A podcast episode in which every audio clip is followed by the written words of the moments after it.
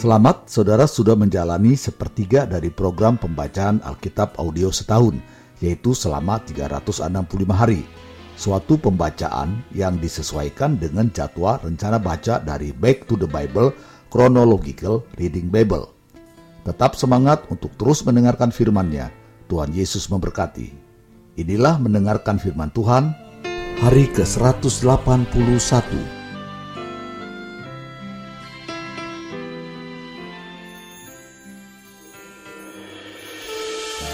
2 Tawarikh pasal 19 ayat 1 sampai 3. Pelihat Yehu menegur Raja Yosafat. Yosafat Raja Yehuda pulang dengan selamat ke istananya di Yerusalem. Ketika itu, Yehu bin Hanani pelihat itu pergi menemuinya dan berkata kepada Raja Yosafat, Sewajarnyakah engkau menolong orang fasik dan bersahabat dengan mereka yang membenci Tuhan? Karena hal itu, Tuhan murka terhadap engkau. Namun masih terdapat hal-hal yang baik padamu, karena engkau menghapuskan tiang-tiang berhala dari negeri ini dan mencari Allah dengan tekun. Ayat 4 sampai 11. Yosafat mengangkat hakim-hakim. Yosafat diam di Yerusalem. Ia mengadakan kunjungan pula ke daerah-daerah dari Bersheba sampai ke pegunungan Efraim sambil menyuruh rakyat berbalik kepada Tuhan Allah nenek moyang mereka. Ia mengangkat juga hakim-hakim di seluruh negeri, yakni di semua kota yang berkubu di Yehuda, di tiap-tiap kota. Berpesanlah ia kepada hakim-hakim itu, pertimbangkanlah apa yang kamu buat, karena bukanlah untuk manusia kamu memutuskan hukum, melainkan untuk Tuhan, yang ada beserta kamu, bila kamu memutuskan hukum. Sebab itu, kiranya kamu diliputi oleh rasa takut kepada Tuhan Bertindaklah dengan seksama, karena berlaku curang, memihak ataupun menerima suap tidak ada pada Tuhan Allah kita. Juga di Yerusalem, Yosafat mengangkat beberapa orang dari antara orang Lewi, dari antara para imam, dan dari antara para kepala puak Israel untuk memberi keputusan dalam hal hukum Tuhan dan dalam hal perselisihan. Mereka berkedudukan di Yerusalem. Ia memerintahkan mereka kamu harus bertindak dengan takut akan Tuhan, dengan setia dan dengan tulus hati. Demikian, dalam setiap perkara yang disampaikan kepada kamu oleh rekan-rekanmu yang tinggal di kota-kota, yakni perkara-perkara mengenai penumpahan darah atau mengenai hukum, perintah, ketetapan-ketetapan dan peraturan-peraturan, hendaklah kamu memperingatkan mereka, supaya mereka jangan bersalah terhadap Tuhan, sehingga murkanya menimpa kamu dan rekan-rekanmu Hendaklah kamu berbuat demikian, dan kamu tidak akan bersalah. Dengan ini, Imam Kepala Amaria diangkat sebagai ketuamu dalam segala perkara ketuhanan, dan Sebaja bin Ismail, pemuka kaum Yehuda, dalam segala perkara kerajaan. Sedang orang Lewi akan melayani kamu sebagai pengatur. Bertindaklah dengan tegas, kiranya Tuhan menyertai orang yang tulus ikhlas.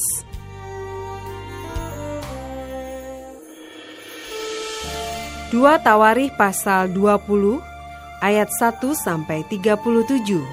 Kemenangan atas Moab dan Amon. Akhir pemerintahan Yosafat. Setelah itu Bani Moab dan Bani Amon datang berperang melawan Yosafat bersama-sama sepasukan orang Meunim. Datanglah orang memberitahukan Yosafat. Suatu laskar yang besar datang dari seberang laut asin, dari Edom, menyerang tuanku. Sekarang mereka di Haseson Tamar yakni Engedi. Yosafat menjadi takut, lalu mengambil keputusan untuk mencari Tuhan. Ia menyerukan kepada seluruh Yehuda supaya berpuasa. Dan Yehuda berkumpul untuk meminta pertolongan daripada Tuhan. Mereka datang dari semua kota di Yehuda untuk mencari Tuhan. Lalu Yosafat berdiri di tengah-tengah jemaah Yehuda dan Yerusalem di rumah Tuhan, di muka pelataran yang baru, dan berkata, "Ya Tuhan, Allah nenek moyang kami? Bukankah engkau Allah di dalam sorga? Bukankah engkau memerintah atas genap kerajaan bangsa? Kuasa dan keperkasaan ada di dalam tanganmu, sehingga tidak ada orang yang dapat bertahan melawan engkau. Bukankah engkau Allah kami yang menghalau penduduk tanah ini dari depan umatmu Israel dan memberikannya kepada keturunan Abraham sahabatmu itu untuk selama-lamanya? Lalu mereka mendiami tanah itu dan mendirikan bagimu tempat kudus untuk namamu. Kata mereka, bila sesuatu malapetaka menimpa kami, yakni pedang, penghukuman, penyakit sampar atau kelaparan, kami akan berdiri di muka rumah ini, di hadapanmu, karena namamu tinggal di dalam rumah ini. Dan kami akan berseru kepadamu di dalam kesesakan kami, sampai engkau mendengar dan menyelamatkan kami. Sekarang, lihatlah, Bani Amon dan Moab dan orang-orang dari pegunungan Seir ini. Ketika orang Israel datang dari tanah Mesir, engkau melarang mereka memasuki negerinya. Oleh sebab itu mereka menjauhinya dan tidak memusnahkannya. Lihatlah, sebagai pembalasan, mereka datang mengusir kami dari tanah milik yang telah engkau wariskan kepada kami. Ya Allah kami, tidakkah engkau akan menghukum mereka? Karena kami tidak mempunyai kekuatan untuk menghadapi laskar yang besar ini, yang datang menyerang kami. Kami tidak tahu apa yang harus kami lakukan, tetapi mata kami tertuju kepadamu. Sementara itu, seluruh Yehuda berdiri di hadapan Tuhan, juga segenap keluarga mereka dengan istri dan anak-anak mereka. Lalu Yahasiel bin Sakaria bin Benaya bin Matanya, seorang Lewi dari Bani Asaf, dihinggapi roh Tuhan di tengah-tengah jemaah dan berseru, Camkanlah, hai seluruh Yehuda dan penduduk Yerusalem, dan Tuanku Raja Yosafat, beginilah firman Tuhan kepadamu Janganlah kamu takut dan terkejut karena laskar yang besar ini, sebab bukan kamu yang akan berperang, melainkan Allah. Besok haruslah kamu turun menyerang mereka. Mereka akan mendaki pendakian Sis, dan kamu akan mendapati mereka di ujung lembah, di muka padang gurun Yeruel. Dalam peperangan ini tidak usah kamu bertempur. Hai Yehuda dan Yerusalem, tinggallah berdiri di tempatmu, dan lihatlah bagaimana Tuhan memberikan kemenangan kepadamu Janganlah kamu takut dan terkejut. Majulah besok menghadapi mereka. Tuhan akan menyertai kamu. Lalu berlututlah Yosafat dengan mukanya ke tanah. Seluruh Yehuda dan penduduk Yerusalem pun sujud di hadapan Tuhan dan menyembah kepadanya. Kemudian orang Lewi dari Bani Kehat dan Bani Korah bangkit berdiri untuk menyanyikan puji-pujian bagi Tuhan, Allah Israel, dengan suara yang sangat nyaring. Keesokan harinya, pagi-pagi, mereka maju menuju padang gurun Tekoa. Ketika mereka hendak berangkat, berdirilah Yosafat dan berkata, Dengar hai Yehuda dan penduduk Yerusalem, percayalah kepada Tuhan Allahmu dan kamu akan tetap teguh. Percayalah kepada nabi-nabinya dan kamu akan berhasil. Setelah ia berunding dengan rakyat, ia mengangkat orang-orang yang akan menyanyi nyanyian untuk Tuhan dan memuji Tuhan dalam pakaian kudus yang semarak pada waktu mereka keluar di muka orang-orang bersenjata sambil berkata, Nyanyikanlah nyanyian syukur bagi Tuhan, bahwasanya untuk selama-lamanya kasih setianya. Ketika mereka mulai bersorak-sorai dan menyanyikan nyanyian pujian, dibuat Tuhanlah penghadangan terhadap Bani Amon dan Moab, dan orang-orang dari pegunungan Seir yang hendak menyerang Yehuda, sehingga mereka terpukul kalah. Lalu Bani Amon dan Moab berdiri menentang penduduk pegunungan Seir, hendak menumpas dan memunahkan mereka.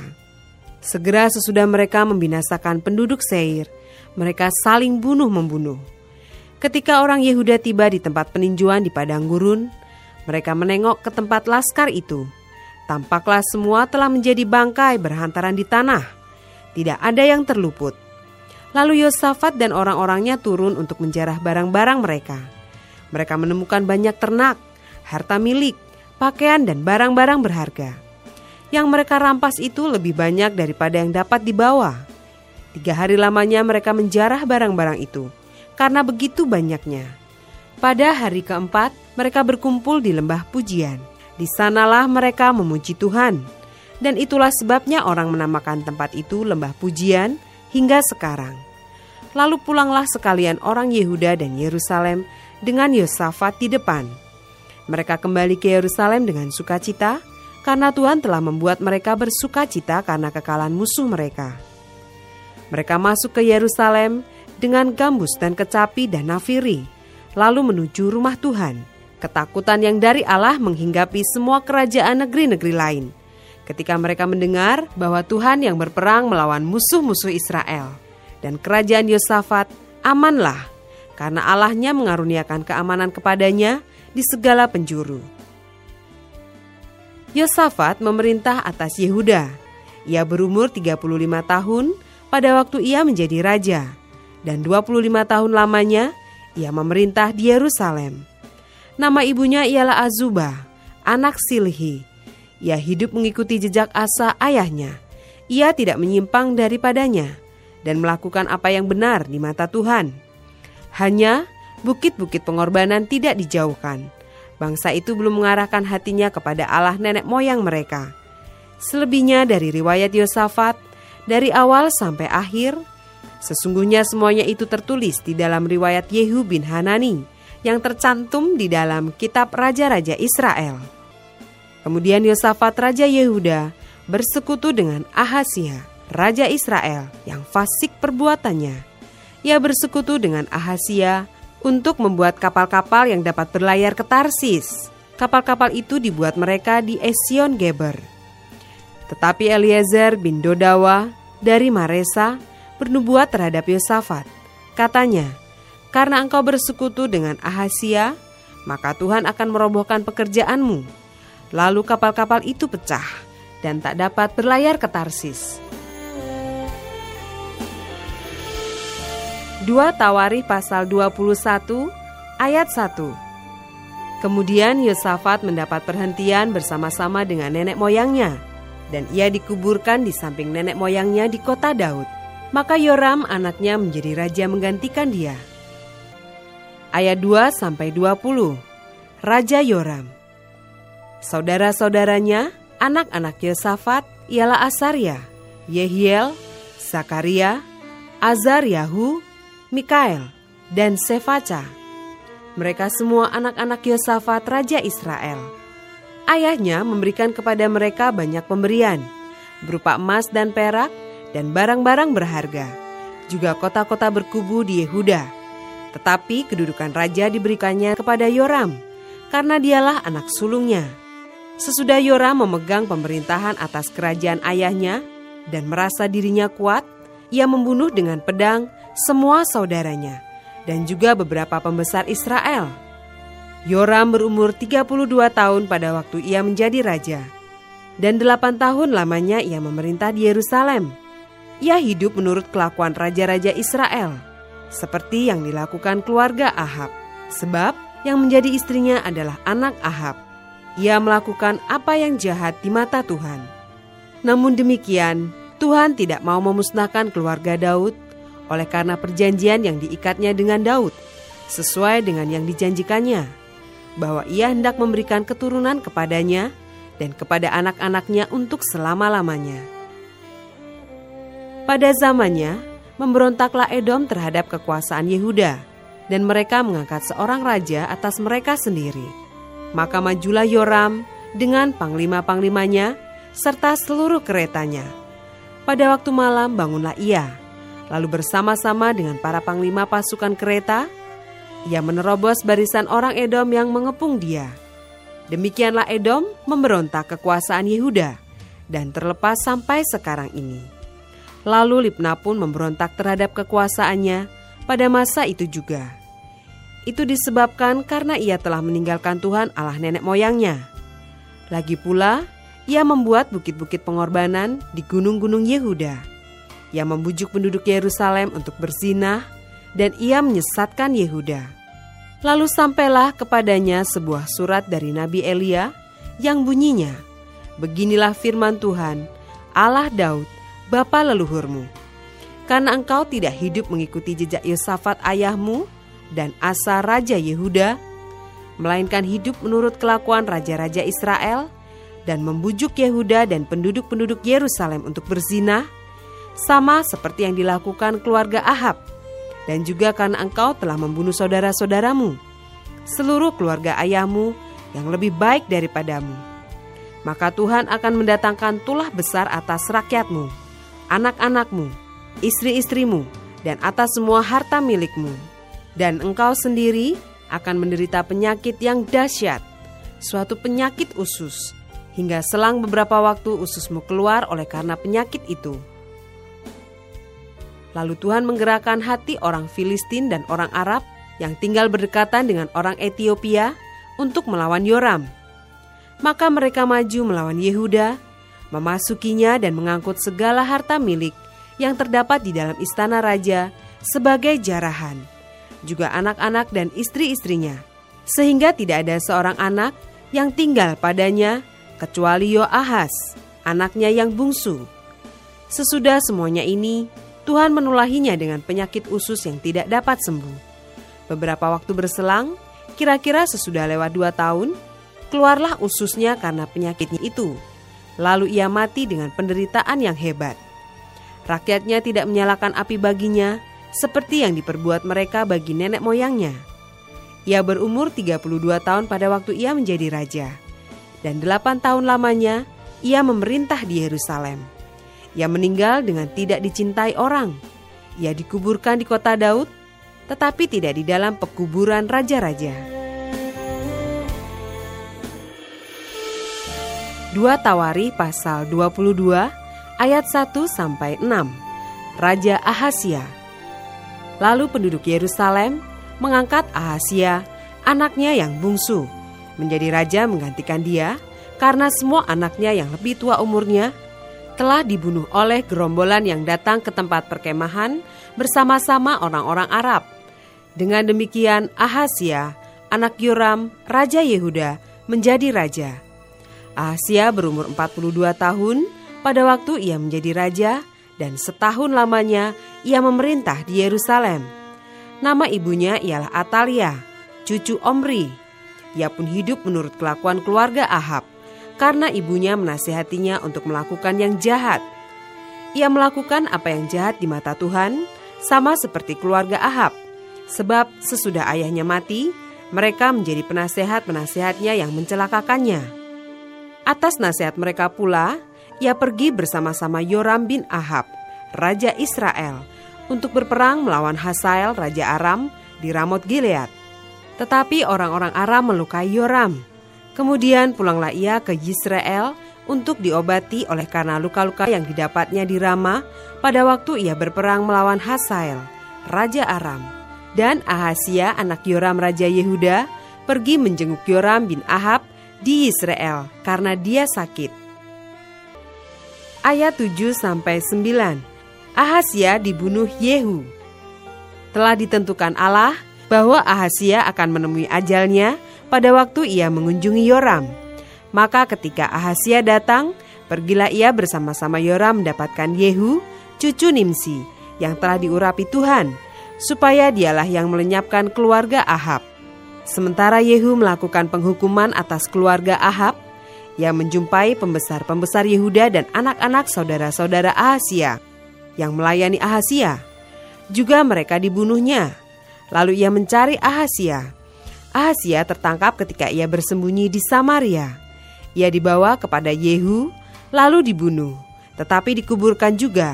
Karena kata orang, dia ini cucu Yosafat yang mencari Tuhan dengan segenap hatinya. Dari keluarga Ahasia tidak ada lagi yang sanggup memerintah. Ayat 10 sampai 12. Atalia dibunuh dan Yoas menjadi raja. Ketika Atalia, ibu Ahasia, melihat bahwa anaknya sudah mati, maka bangkitlah ia membinasakan semua keturunan raja dari kaum Yehuda. Tetapi Yosabat, anak perempuan raja, mengambil Yoas bin Ahasia, menculik dia dari tengah-tengah anak-anak raja yang hendak dibunuh itu, memasukkan dia dengan inang penyusunya ke dalam gudang tempat tidur. Demikianlah Yosabat anak perempuan Raja Yoram, istri Imam Yoyada. Ia adalah saudara perempuan Ahasia, menyembunyikan dia terhadap Atalia sehingga ia tidak dibunuh Atalia. Maka tinggallah Yoas enam tahun lamanya bersama-sama mereka dengan bersembunyi di rumah Allah, sementara Atalia memerintah negeri.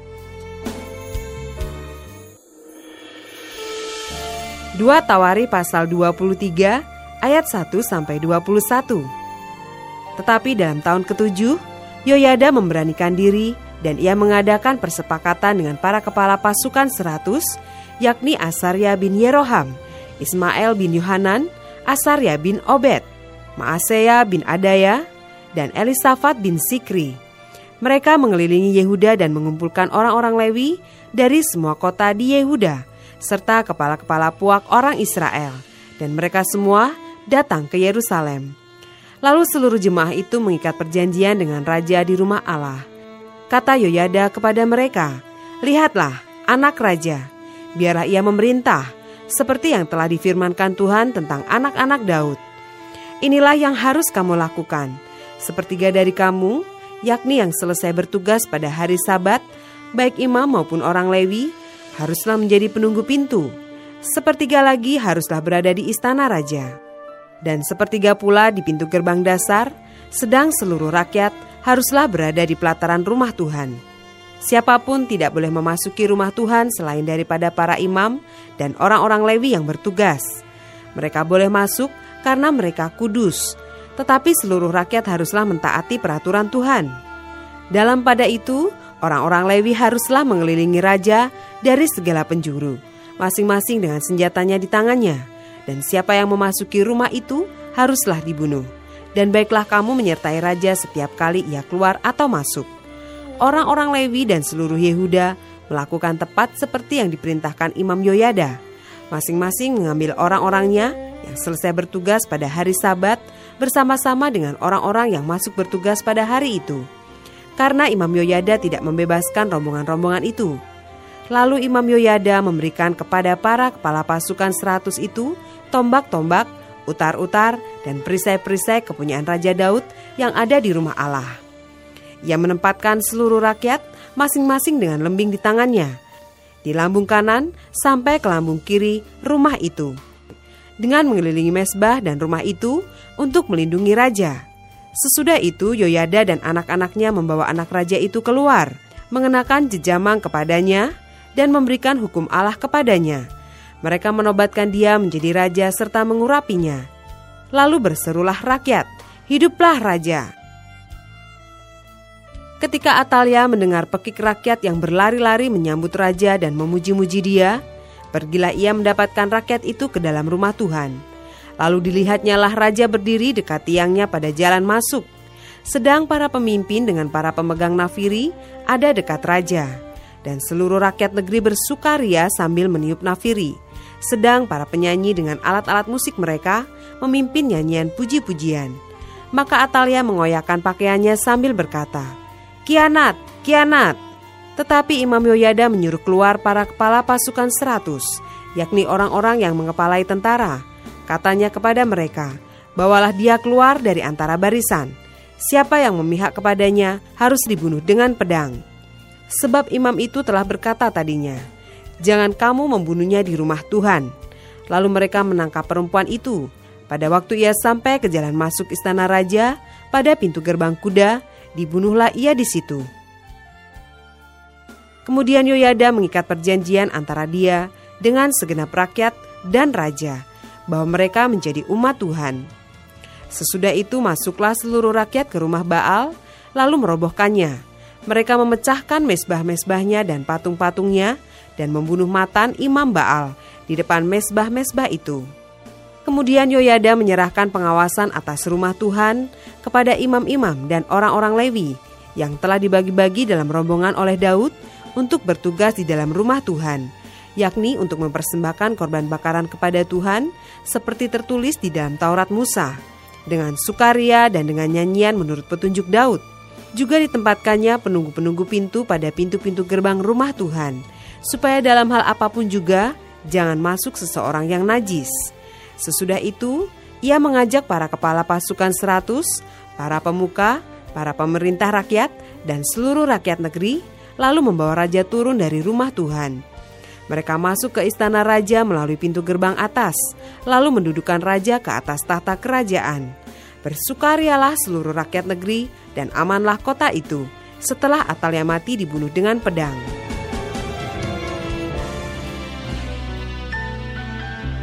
Tetap semangat, teruskanlah mendengarkan firman Tuhan. Sampai jumpa esok hari.